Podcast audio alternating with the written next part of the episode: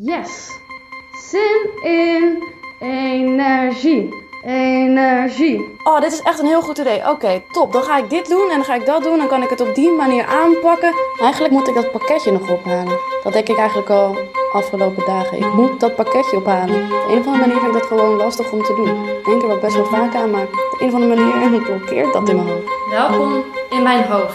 Vind je me nou leuk omdat het nu beter met me gaat? Of vind je mij nou echt, echt leuk? Als in, accepteer jij mij hoe ik ben? Ik heb eigenlijk ook altijd een afsluiter nodig. Een afsluiter van de dag, zodat ik rustig kan gaan slapen. Een afsluiter van een activiteit, zodat ik naar de volgende kan. Mijn ADHD-hoofd. Een afsluiting van een gesprek. Als dingen door elkaar gaan lopen, dan op een gegeven moment gaat mijn hoofd echt op error.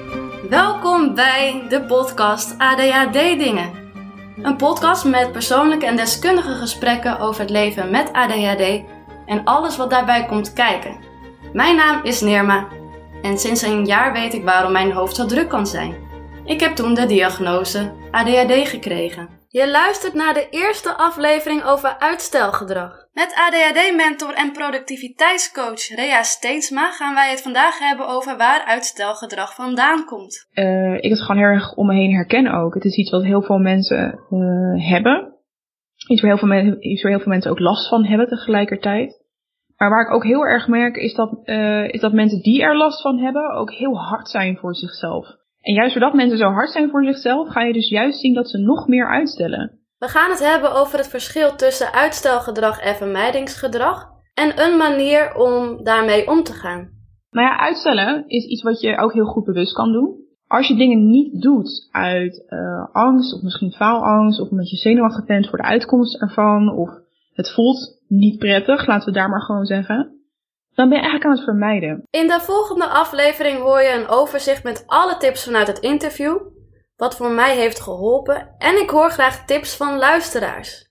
Waarom dan twee afleveringen? Is dat dan geen uitstelgedrag? Zeker niet. Het interessante interview duurde namelijk 40 minuten en het leek mij handig om het op te delen in twee afleveringen. En zo hebben we ook meer tijd om alle tips even goed langs te gaan, zodat we kunnen uitzoeken wat voor jou het beste werkt. Maar we beginnen met het interview met Rea Steenbergen.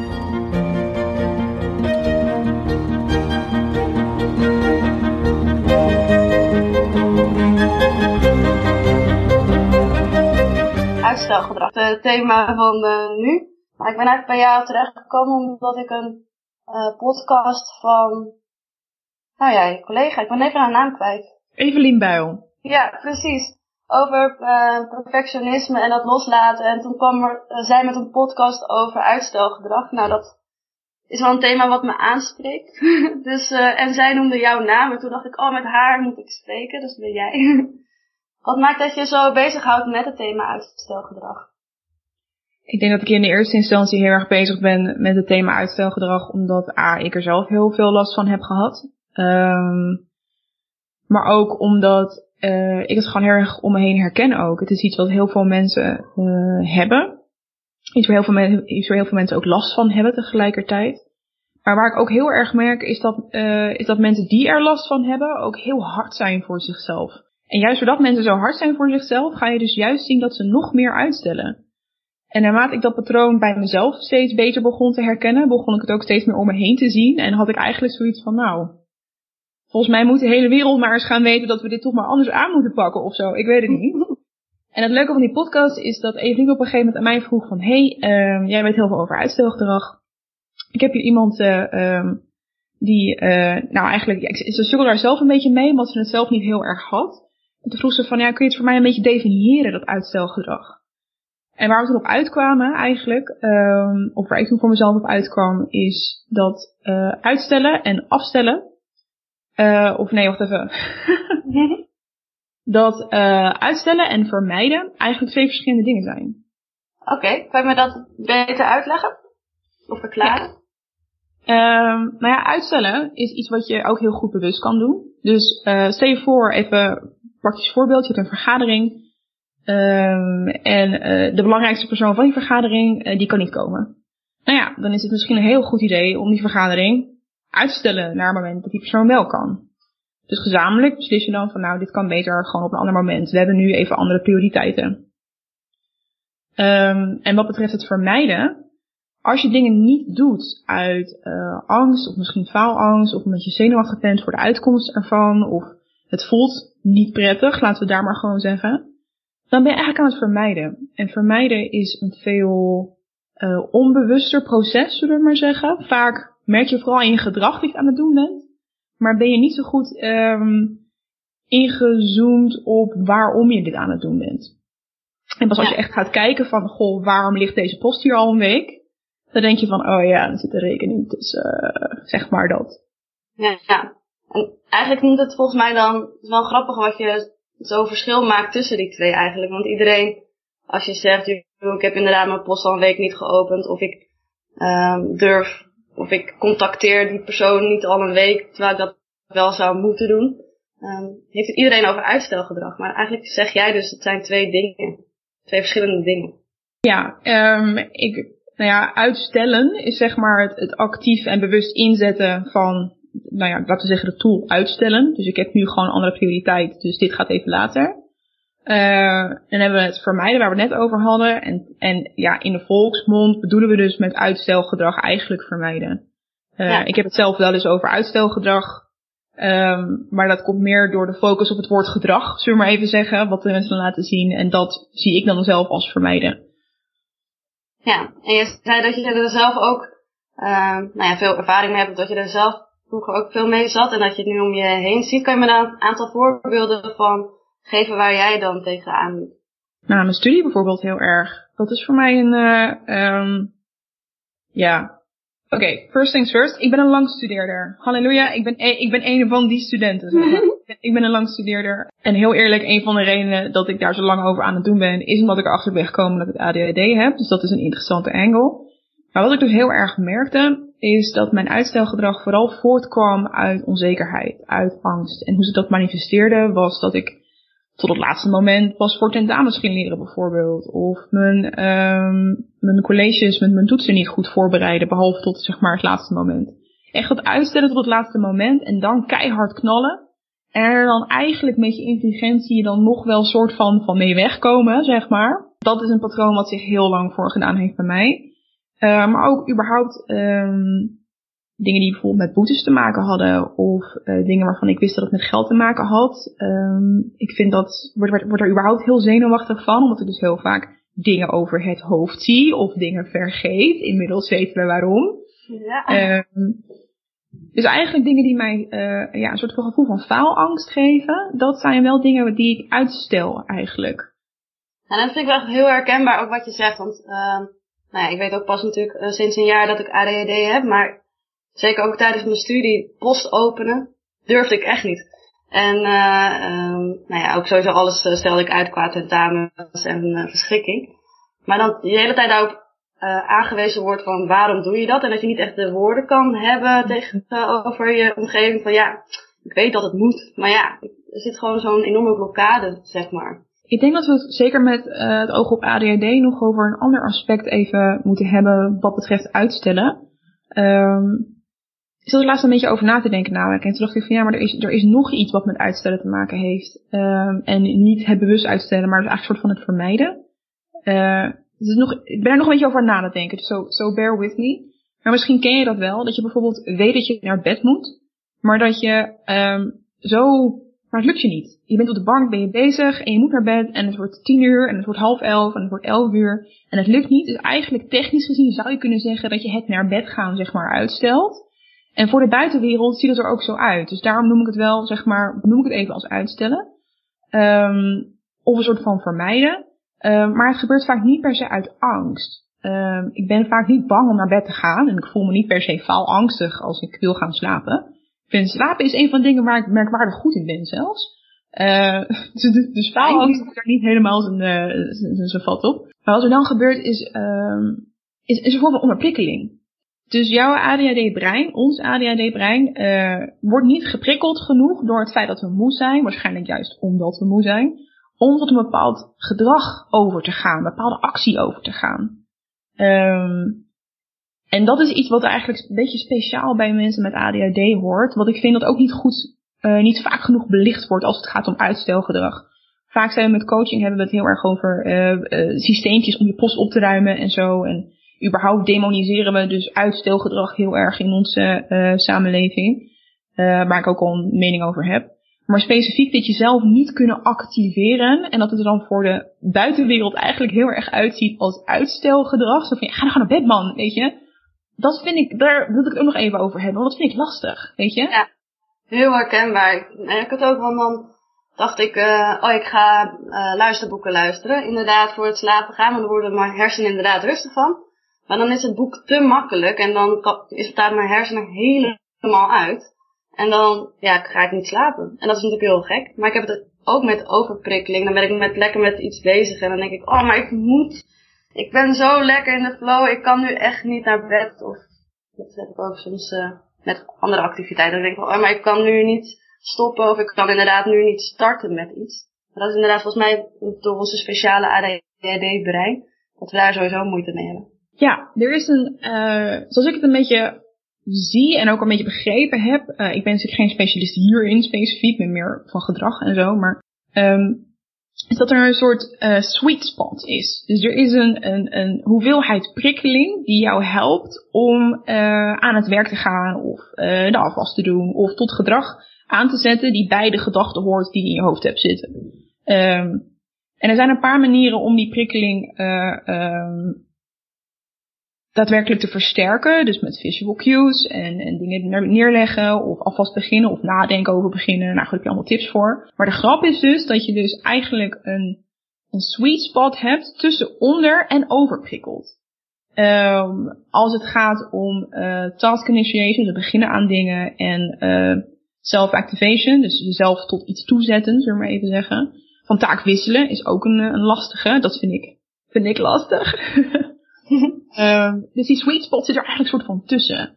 Um, en het, het, hele idee dat we het hier nu over hebben, was waarom het voor mij zeg maar relevant was, is omdat er, er zijn nog allemaal meningen over, nee, dat zeg ik verkeerd. Wat ik bedoel te zeggen is dat gedrag wat wij laten zien, wat bij ons erg bij onze ADHD wordt, wordt nog wel eens opgevat als afstellen, uitstelgedrag, dat soort dingen. En terwijl dat eigenlijk dus heel erg eigen voor ons is en daar niet per se iets mee te maken heeft met de definities waar we het net over gehad hebben. Precies, ja.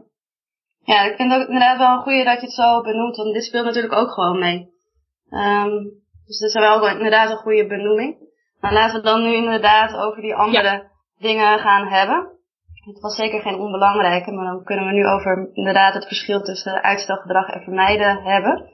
Um, eigenlijk hoeven we dan bijna niet over de eerder genoemde definitie van uitstelgedrag te hebben volgens mij. Want dat is gewoon een bewuste keuze en dat is dan zo van oké, maar vermijden is dan weer iets eigenlijk heel anders inderdaad.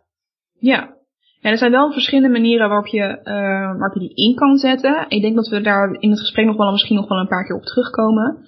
Um, ik heb sowieso in mijn Instagram een freebie staan uh, waar niet heel veel wordt uitgelegd. Het gaat over uh, of je iets actief aan het uitstellen bent, of dat dan een vorm van self-care is, of dat het eigenlijk een, een, vorm van vermijden is. Daar gaat die hele freebie over. Um, dus, ja, daar worden dus ook de, de verschillende uh, manieren om het dan actief in te zetten op een goede manier of op een gezonde manier in te zetten. Um, dat, daar wordt daar verder uitgelegd. Ja, kan je dat voor nu dan nog kort even uitleggen eh, wat je daarmee bedoelt? Ja, oké. Okay. Um, kort. Niet mijn sterkste kant. Of niet? Aha. Nee, nee, nee. Kan je uh, ook uitleggen wat je ermee bedoelt? Ja. Kijk, um, het proces om te kijken... Kijk, soms stellen we dingen uit omdat we het gewoon omdat we er geen zin in hebben. En dan kan je nog wel snel denken van goh, is dit nou omdat ik uh, self-care aan het doen ben? Want ik heb nu gewoon geen ruimte, ik ben moe. Of ben ik het aan het doen om een andere reden? Ben ik het eigenlijk stiekem aan het vermijden? Um, en uitstellen kan je dus actief inzetten. Um, je kan ook actief zeggen, ik ga vermijden, bijvoorbeeld. Dat klinkt misschien een beetje gek, maar soms is er bijvoorbeeld gewoon geen energie of ruimte om jezelf te activeren of om dingen later in te plannen of om bewust die keuze te maken. En heb je gewoon de behoefte aan die bubbel. Weet je, die bubbel die zegt van ik ga nu een uur meer flixen. Ik heb een angststoornis. Um, dat gaat tegenwoordig gewoon een heel stuk beter. Maar er zijn een heleboel situaties waarin ik letterlijk actief vermijd. Uh, of een combinatie doe van die twee. En daar gaat dus die dieper op in. Van hoe schaal je daar een beetje tussen? Wat zijn je opties? Ja. Ja, want uh, we hadden het in het begin een beetje kort over gehad. Want waar komt vermijdingsgedrag volgens jou dan verder vandaan? Dus we hebben benoemd uh, door angsten. Um, kan je me daar nog iets meer over uitleggen? Zijn er nog andere oorzaken? Um, ik denk dat elke oorzaak, als je er diep genoeg over nadenkt, eigenlijk terugkomt bij angst. Ik denk dat uh, als je maar lang genoeg doordenkt, dat alles eigenlijk wel uh, terugkomt bij angst. En vaak is het een sociale faalangst. Dus uh, angst voor dat je andere mensen teleurstelt, dat je niet aan verwachtingen voldoet. Um, en zelfs uh, als we even een voorbeeld nemen van, oh shit, ik ben deze rekening vergeten te betalen en ik moet nu uh, 50 euro meer betalen, want hij is al drie keer herinnerd aan mij. Uh, en dat je dan dus dat gevoel krijgt van, oh, dit heb ik verkeerd gedaan. Natuurlijk is dat voor jou vervelend, maar er is een hele goede kans, ook vanwege de sociale correctie die mensen met ADHD veel ervaren, dat je ook een soort, um, dat het bijna is alsof iemand, naar, alsof iemand naar je kijkt en iemand naar jou oordeelt. Dat je eigenlijk veel meer stress ervaart door hoe andere mensen jou zien en dat je op een soort meta manier eigenlijk jezelf beschouwt via de ogen van een niet bestaande ander die jou, naar jou kijkt terwijl je een envelop overmaakt. Weet je wel? Het is een, een hele heftige, hele heftige angstervaring. Maar als je daar diep genoeg op ingaat, kom je eigenlijk altijd uit bij dat soort angst. Heb ik het idee, is mijn ervaring. Um, ja. Ik ben nog niet achter iets gekomen wat eigenlijk niet terug te reduceren was tot een vorm van faalangst of niet goed genoeg zijn. Ja. En denk je dan ook dat, er veel, dat veel ADD'ers daar meer last van hebben? Is dat jouw gevoel er ook bij? Of? Nou ja, ik denk dus omdat er niet zoveel onderscheid gemaakt wordt tussen verschillende uh, type uitstelgedrag die ADHD'ers kunnen laten zien. Uh, zoals onderpinging, waar, waar we het net over hadden bijvoorbeeld. Um, dat we nogal veel bekritiseerd worden, ook op momenten dat we helemaal niks aan kunnen doen. Weet je, um, we zien dingen over het hoofd. Oh, waarom heb je dat niet gedaan? Je vergeet iets. Hé, hey, waar heb ik niet gedaan? En het moment waarop je op die manier zeg maar gecorrigeerd wordt, dan wel doordat iemand je eraan herinnert op een minder of een leukere manier. Uh, of dat je ervoor bestraft wordt, zoals bijvoorbeeld boetes als je dingen te laat betaalt. Uh, dat zijn allemaal negatieve feedbacks die je zeg maar um, verzamelt, zullen we maar even zeggen. En die een soort kritische stem uh, creëren in jou. Dus jou, jouw zelfkritiserende uh, stem is eigenlijk een soort samenraapsel van al die correcties die jij hebt gehad in je leven. En als je dan gaat nadenken hoe vaak me zoiets in mijn leven overkomen is. Ik zie jou ook knikken. Heel vaak, ja. Oh, oh, ja. ja, maar dan is het niet heel gek dat die stem best wel heel erg sterk is. En dus ook heel erg te maken heeft met het moment waarop jij dus een bepaalde sociale verwachtingen moet voldoen die dan dus ook vaak terugkomt. Dus ja. ik heb wel het idee dat mensen met ADHD hier vaker last van hebben. Net zoals dat mensen met ADHD vaker last hebben van faalangst. Uh, angststoornissen zijn heel sterk comorbide met ADHD. Uh, ik ben er een lichtend voorbeeld van. Ik dacht altijd dat ik zeg maar uh, een alien was in deze wereld. Tot ik erachter kwam dat ik ADHD had. Toen was ik in één keer een textbook example van een vrouw met ADHD. Tot echt hysterisch. van eerst heel raar naar gewoon, yes, je hoort ergens bij en het is helemaal normaal. En, uh, ja. Ik kon alle bullet points kon ik zo ongeveer wel aantikken. En ik, oh, nou, nu is het in één keer allemaal heel normaal. Ja, precies. Nou, dat is toch ook wel ergens prettig. Uh, ja, dat maakt het label wel handig soms, als je opeens dan daarin normaal bent. Ja. Ja. Ik zit ook een beetje van, ook met de post inderdaad openen en die boetes. Wat ik zelf altijd had, is dat ik inderdaad wist, er zit een rekening in en uh, die wordt dan steeds elke keer groter. Maar het is ook uh, dat je daarna een soort van niet durft te betalen, terwijl je ergens wel weet, ik moet het nu overmaken, want dan voorkom ik eigenlijk nog meer verhogingen. Maar dan deed ik het niet. Er was zo'n grote blokkade. Terwijl ik wist, ja, over een maand wordt de rekening nog hoger. Dat je wel weet dat je eigenlijk meteen oplost door meteen te betalen. Maar dat, je, dat er zo'n gekke blokkade is, nou ja, dat er steeds, de rekeningen steeds hoger werden en zo. Het blijft een gekke. Het is zelfs nog erger dat zelfs wanneer je weet dat er gewoon een rekening in zit, dat die blokkade dan zelfs al op kan komen dagen. Afhankelijk van um, hoe sterk je eerdere ervaringen zijn geweest met te laten betalen. Waardoor je dus zelfs die rekening betaalt. Terwijl je weet dat er dus een, een boete opkomt omdat je te laat betaalt.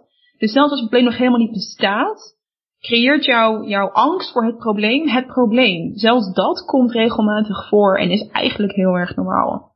Ja. Ja, het blijft, ja, ik blijf het wel een interessant fenomeen vinden. Um, Angst is een soort self-fulfilling prophecy. Het is ja, een, een bijzonder mechanisme. Ja. Gelukkig had ik uh, destijds had ik een, uh, mijn ex die ging op een gegeven moment gewoon mijn brieven geven en naast me zitten en uh, nou ja, de handeling uitvoeren die op dat moment nodig is. Dus door die manier is het nou ja, al deels groot verbeterd. En met de medicatie dan uh, die ik slik, dan is de gedachtenspinsels uh, nou ja, veel minder aan de gang. Dus dan kan ik ook beter dingen doen. Dus dat scheelt wel. Um, zijn er voor jou dan nog andere tips, zeg maar, om dat, nou ja, die angst een beetje te verminderen, vermijdingsgedrag? Ik denk dat de focus niet zozeer um, moet liggen op het verminderen van die angst. Uh, angst is een hele normale emotionele respons op een externe prikkel, de post, een tentamencijfer, een tentamen überhaupt. Um, ik zeg altijd, you can't argue with feelings. Weet je, je kan niet de strijd aangaan met gevoelens. Die zijn er gewoon. Um, waar ik denk dat uh, zeker mensen met ADHD, maar iedereen die last heeft van uitstelgedrag, wel echt mee geholpen kan worden. Dat is het navigeren van die angst. Het opmerken ervan en het vervolgens uh, daarmee om kunnen gaan. Hoe doe je dat überhaupt? Ik heb het op school niet geleerd. Uh, mijn ouders hebben dat ook niet gemodelleerd voor mij. Ik heb daar echt in moeten oefenen. Zoals ik al zei, ik heb een, ik heb een angststoornis. Um, dat is trouwens direct gerelateerd aan mijn ADHD ook overigens. Omdat ik dus heel sterk faalangst ervaar op het moment dat ik, uh, nou ja, dat iemand naar mij moet gaan kijken en mijn, mijn prestaties moet gaan beoordelen. Dus ik ben heel gevoelig voor beoordeling. Um, ik ben mijn gedachten ook even kwijt nu. Dat nee, is helemaal oké. Okay. Nee, je zei dat je jezelf moest oefenen uh, op het modelleren van gevoelens. Hè? Dus dat je ze eerst erkent, maar daarna wat doe je ermee? Ja, eigenlijk het navigeren van die angst. Dus hoe vang je zoiets op? En dan komen we uh, in een terrein wat voor mij, uh, wat, wat, wat ik helemaal fantastisch vind en wat voor mij echt het allergrootste verschil heeft gemaakt. En dat is een vorm van self-parenting. Dus eigenlijk gezond oudergedrag, zullen we maar even zeggen, gaan modelleren naar jezelf toe. Breek je je psyche soort van op in verschillende modi. Dus je hebt een uh, kwetsbaar kind. Nou ja, dat is jij als kind met verdriet, met schaamte, met schuldgevoelens, dat soort dingen. Dingen die voor kinderen moeilijk te navigeren zijn. Uh, je hebt de kritische ouderstem, dat is de stem waar we ook net een beetje over hadden. Dat is die samenraapsel van al die negatieve feedback die je hebt gehad in je leven. En je hebt de gezonde volwassenen. Nou, je hebt er nog een paar meer. Maar dit zijn even de belangrijkste voor nu. En de gezonde volwassene, dat ben jij eigenlijk. Uh, dat, dat wil zeggen, dat hoor jij te zijn. Ja, precies. Maar wat, maar wat je vaak ziet, is dat mensen eigenlijk, uh, als je de, uh, we gaan gewoon full metafoor nu. Ja. Als je de psyche als een soort auto ziet, uh, wie rijdt er dan? En wie zit er allemaal in de auto? Nou, sowieso zit het kwetsbare kind in de auto, de kritische ouderstem zit in de auto. Maar wie rijdt er? als de kritische stem rijdt, dan ben je jezelf continu aan het bekritiseren. En dat is een hele nare ervaring. Uh, maar als een kwetsbare kind rijdt, die kan helemaal niet rijden. Dus die zit dan met haar handen helemaal zo aan het stuur naar boven. En die kan, ziet helemaal niks en die is doodsbang.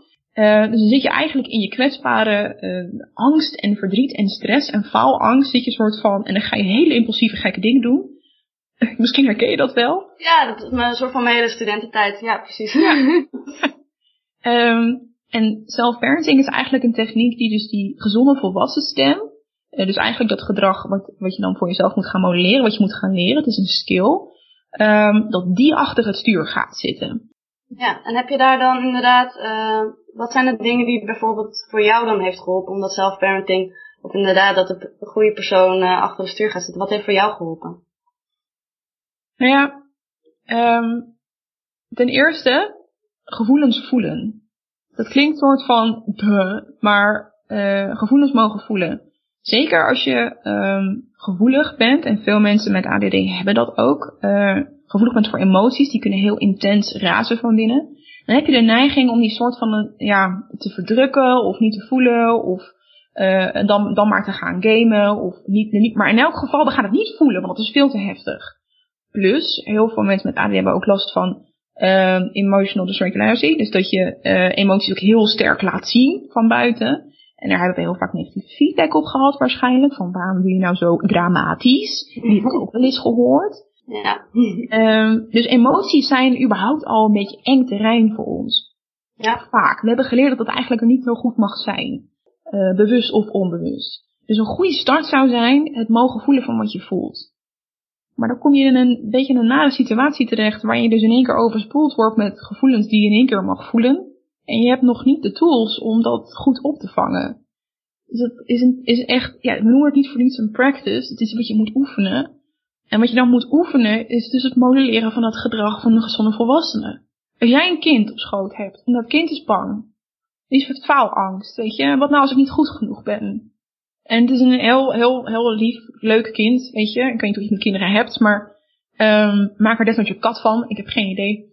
Maar iets wat zeg maar een beetje warmte en liefde oproept in je. Weet je? En het is oké. Okay, en het is veilig om dit te doen. Ik, ik zorg ervoor dat het veilig is voor jou. Zodat ja. we niet meer vanuit kwetsbaarheid die brieven open moeten gaan maken. Want dan stuurt dus het kwetsbare kind. Maar dat de gezonde volwassene de moeilijke brief open mag maken. Dat is eigenlijk hoe je dat dan uh, moet, een beetje moet gaan, gaan proberen. Ja, ik merk ook bij mezelf dat ik vooral de acceptatie, uh, dat dat ook een soort van een van de eerste stappen bij mij was. Want nou, ik denk dat ik ook pas sinds een jaar gevoelens echt uh, toelaat, een anderhalf jaar. inderdaad ook eerst alleen maar een soort van en door, weet je zo. Dus totaal ja, geen... en door. Het maakt allemaal niet uit wat er gebeurt, eh, maar we gaan knetterhard doorlopen. Uh, vooral niet te veel nadenken en gaan. Um, dus sinds een beetje ruim een jaar laat ik wel gevoelens toe, wat heel erg is, vond ik in het begin. um, maar vooral het accepteren en bijna een soort van eisen ook aan de omgeving dat het geaccepteerd wordt. Want dit is het nou eenmaal, weet je, dat. Want dat vond ik zelf ook nog wel lastig ah, soms kan je eerst zelf wel op een gegeven moment accepteren dat je gevoelens hebt, maar dat je dan ook nog met je omgeving te maken hebt. Ook moeten accepteren, zeg maar. Of in ieder geval er oké mee zijn. Dat vond ik nog ook wel een lastige uitdaging. Oh ja, ja, nee, dat is heel lastig. Um, wat mooie hier alleen wel aan is, is dat wat je aan het doen bent met het accepteren, want radicale acceptatie is echt een steunpilaar van jij als gezonde volwassene. Die die auto rijdt, weet je, die ziet wie er in de auto zit. Dus, maar zelfacceptatie, ik ben zoals ik ben en dat is goed genoeg. Het is niet goed, het is niet perfect, het is ook niet slecht, het is gewoon.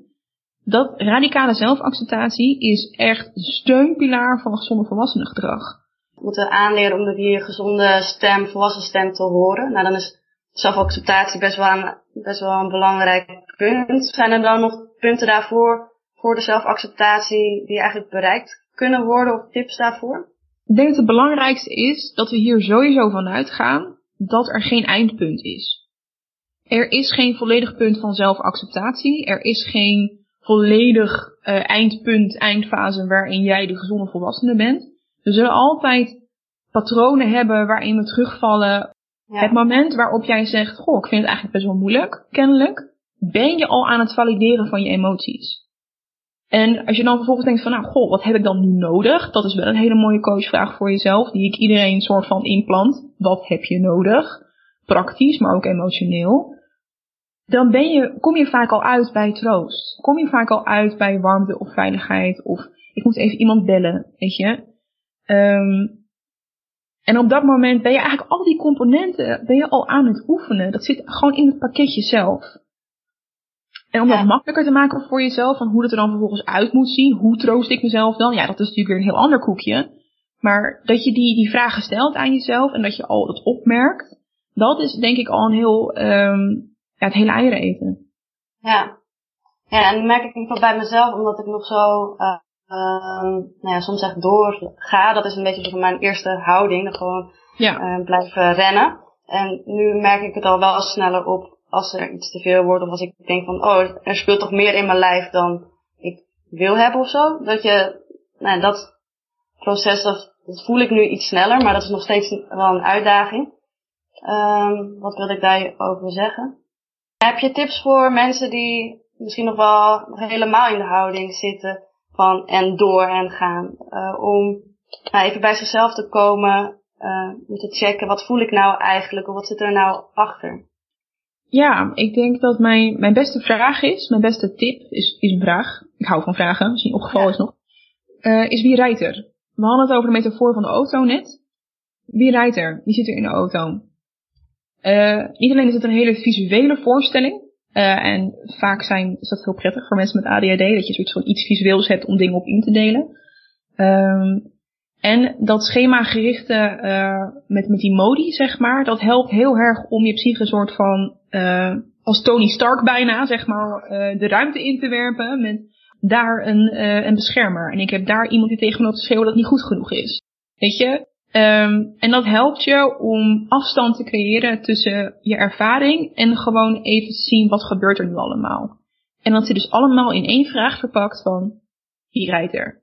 Dat is misschien wel een heel fijn begin al. Wat, wat vind je daar zelf van?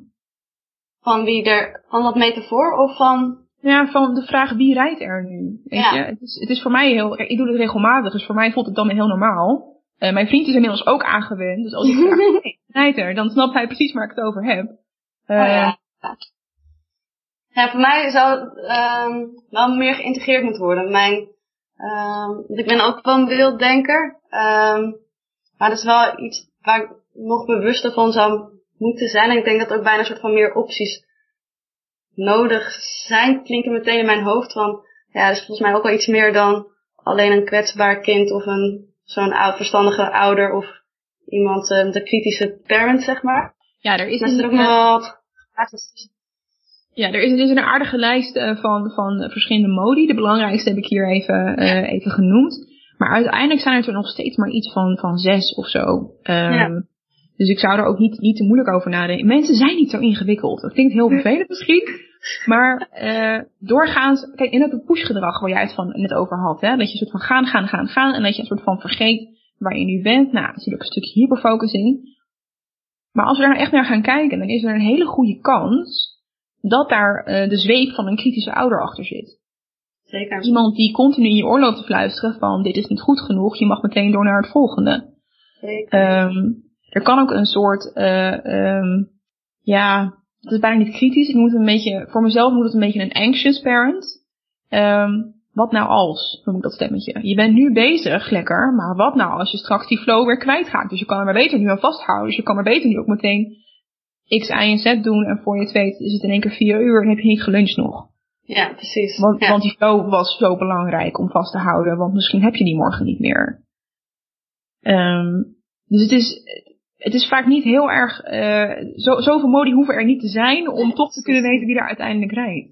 Ja, maar ik moest inderdaad uh, die laatste die je benoemde, van uh, stel dat nou. Uh, daar heb ik ook al een, die, die rijdt dan bij mij best wel vaak van, ja, nu zit ik er lekker in, dus nu moet ik ook echt, want anders komt het niet goed of zo. Ja. Ja. Ja. Dat is wel een goeie.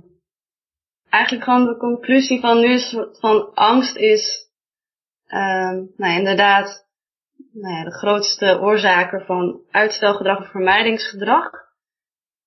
En daarin zou, nou ja, de bewustwording van, ja, wie bestuurt nou je gedrag? Dat is eigenlijk een hele mooie beginstuk van, nou ja, om vermijdingsgedrag een beetje te voorkomen. Ja, eens. Ja.